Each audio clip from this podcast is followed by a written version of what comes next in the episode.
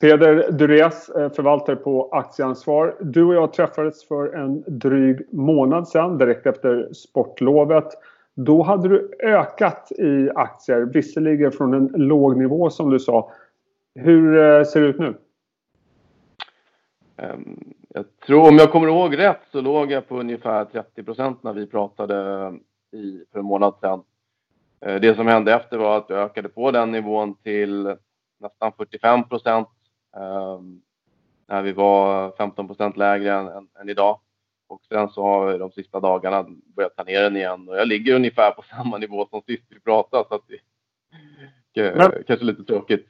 Om du tittar på den utveckling som har varit på börsen, om vi börjar där från eh, sportlovet och fram till nu. Eh, är det någonting som skilde sig i eh, utvecklingen än vad du hade räknat med då? Ja, alltså ganska mycket självklart. Ehm, jag spelade ju in en podd i mitten på februari och där eh, gav jag utsikter på i princip eh, alla tillgångslag.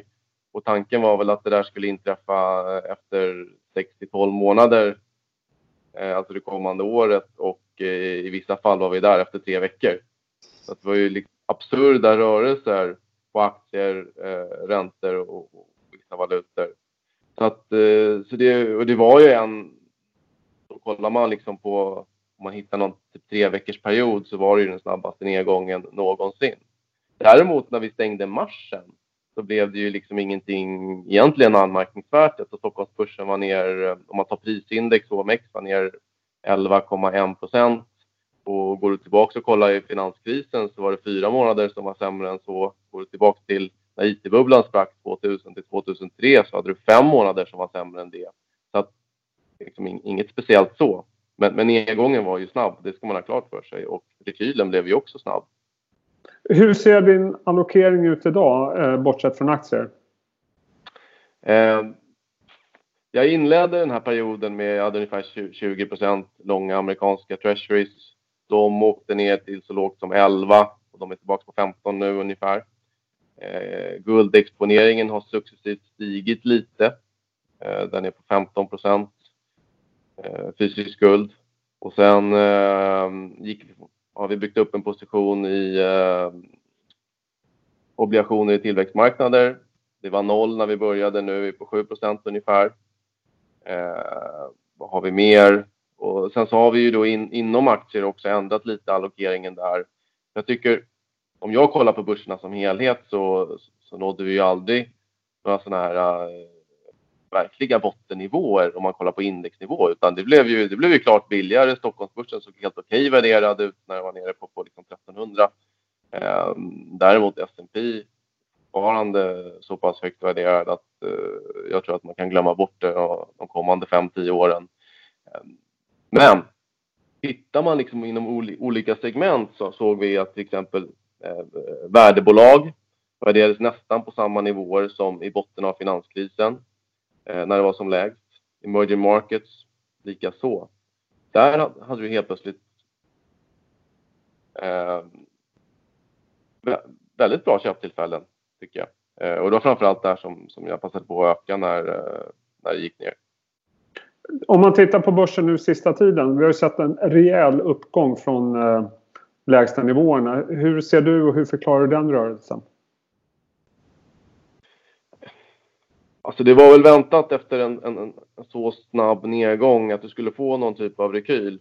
Um, jag hade väl kanske tänkt mig, jag tänker mig för att här, om, om vi ska få en, en mer uthållig studs, jag tänker någon som i alla fall håller i sig i några månader, så hade jag ju sett en lite, att, att börsen skulle gå ner lite till och framförallt att den skulle ta lite längre tid på sig innan den studsade. bygga, bygga liksom en ordentlig botten. Nu fick vi det här liksom jättesnabba uppstudset där i vissa fall gick det upp 15% på tre dagar på vissa index. Och, vilket gör att jag tror att det inte riktigt är uthålligt utan jag ser det som snarare om att senare i vår innan sommaren så kommer vi troligen göra en ny botten. Eh, sen så mycket möjligt kan vi göra en ny botten i, senare i höst också. För att jag tror att vi, eh, vi är i en bear market Eh, de brukar inte till slut på en månad. den kortaste vi har haft tror jag var 1987 och den har i alla fall på i några månader.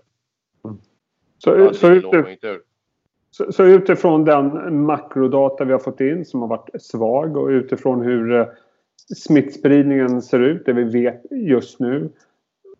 Utifrån det då, var, var skulle vi då befinna oss i den här börscykeln? Är det så att vi, om jag tolkar dig rätt, vi har en bit kvar till botten? Och, eller hur tänker du kring det? Ja, det, det lustiga är ju att i hela, alltså den sista en och en halv månaden så har, man, har jag i alla fall inte kollat på nästan någon makrostatistik. Den har varit helt meningslös. För antingen har det varit statistik som visar vad, hur det var innan vi, eh, covid-19 slog till.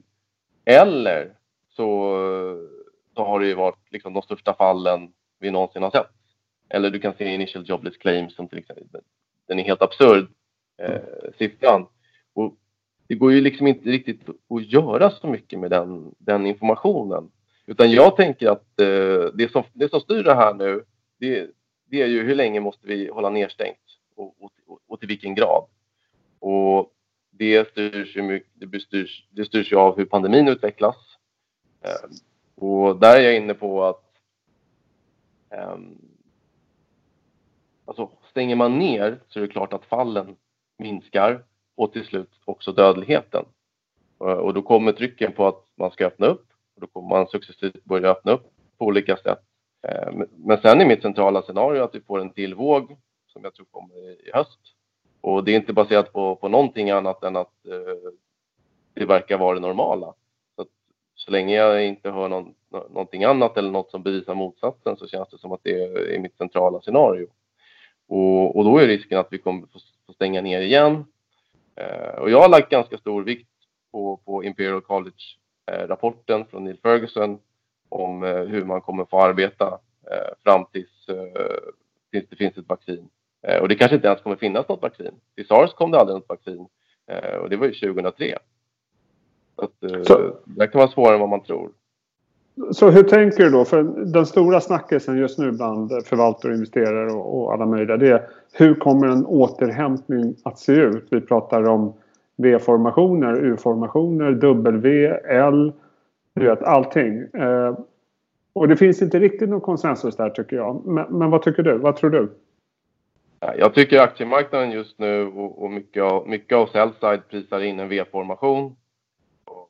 Jag eh, är väl mer inne på någonting som ser ut som eh, ett W mellanting mellan ett W och ett L. Vi pratade lite om det eh, innan vi började filma. Så att, för att du, kommer, du kan inte ha, vi kan inte ha nedstängt tills vi har antingen ett vaccin eller flockimmunitet.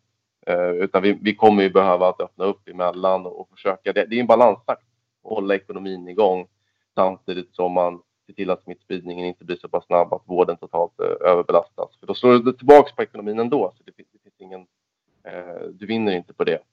Och det gör ju att eh, vi kommer, jag tror att börsen, börsen kommer ju handla mycket på det. Att det kommer finnas, som nu, förhoppningar att ah, vi kommer att öppna upp om en vecka eller två och sen ska allt gå tillbaka till det normala.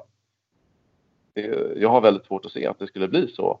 Utan troligtvis så kommer vi öppna upp lite och, och det kommer se lite bättre ut. Sen kommer det komma tillbaks eh, på olika ställen så kommer vi successivt få spela ner, stänga ner igen. Då går börsen ner på det.